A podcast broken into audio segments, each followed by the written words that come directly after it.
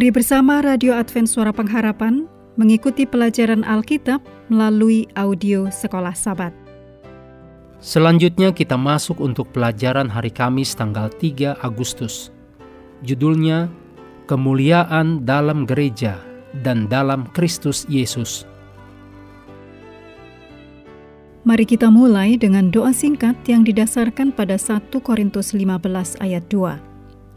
Oleh Injil itu kamu diselamatkan, asal kamu teguh berpegang padanya.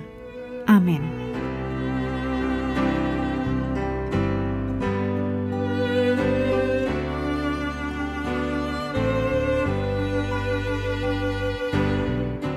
Paulus mengakhiri catatan doanya dengan doksologi, pernyataan singkat dan puitis tentang pujian kepada Allah yang ditulis dalam ayat hafalan kita dalam Efesus 3 ayat 20 dan 21. Paulus telah mencatat doa-doanya bagi orang percaya yang ditulis dalam Efesus 3 ayat 14 sampai 19. Selanjutnya, Paulus berdoa secara langsung dan kuat. Pujian Paulus menimbulkan dua pertanyaan.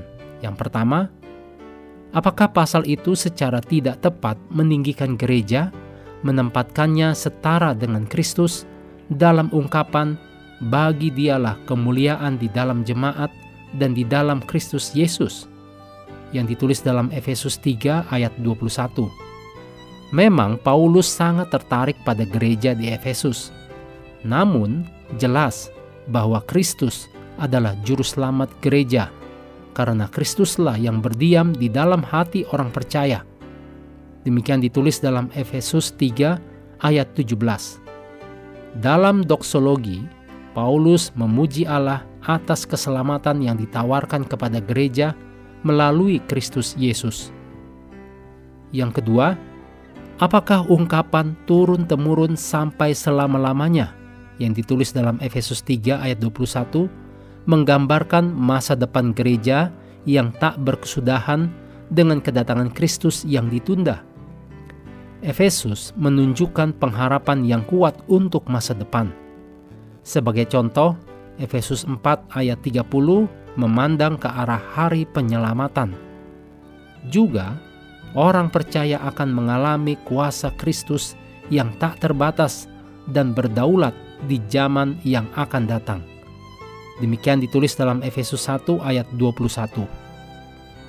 Doksologi Paulus harus dibaca sebagai perayaan kuasa Kristus yang tak berkesudahan yang dilakukan atas nama orang percaya. Melihat kembali doa Paulus yang kedua dalam Efesus 3 ayat 14 sampai 21, juga dalam Efesus 1 ayat 15 sampai 23, kita melihat Paulus menemukan kekuatan dalam ruang lingkup kosmik pemeliharaan Bapa.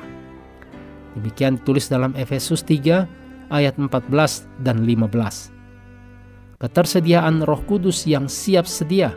Efesus 3 ayat 16, persekutuan Kristus sendiri dalam Efesus 3 ayat 17 dan tak terukurnya kasih Kristus yang tak terbatas dalam Efesus 3 ayat 18 dan 19. Ini sangat benar sehingga Paulus membayangkan orang-orang percaya dipenuhi dengan segala kepenuhan Allah tulis dalam Efesus 3 ayat 19.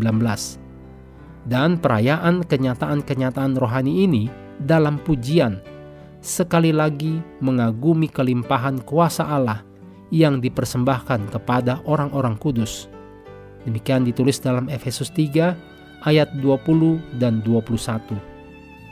Kapan pun kita merasakan tekanan akan masalah, godaan, atau keraguan, kita dapat beralih ke kisah yang menggembirakan tentang doa-doa Paulus ini. Paulus yang dipenjara itu mengangkat pemandangan kita ke cakrawala pada tujuan dan kasih karunia Allah.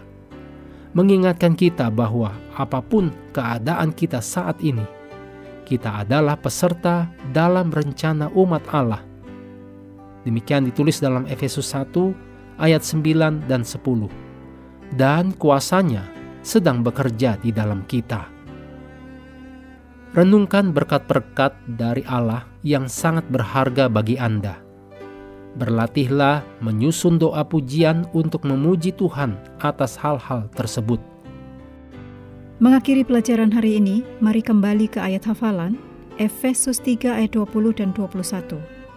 Bagi dialah yang dapat melakukan jauh lebih banyak daripada yang kita doakan atau pikirkan, seperti yang ternyata dari kuasa yang bekerja di dalam kita. Bagi dialah kemuliaan di dalam jemaat dan di dalam Kristus Yesus turun-temurun sampai selama-lamanya. Amin.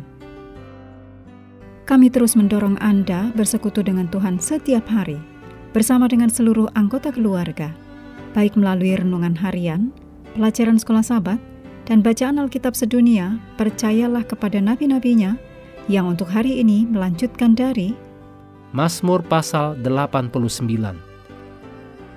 Kiranya Tuhan memberkati kita semua.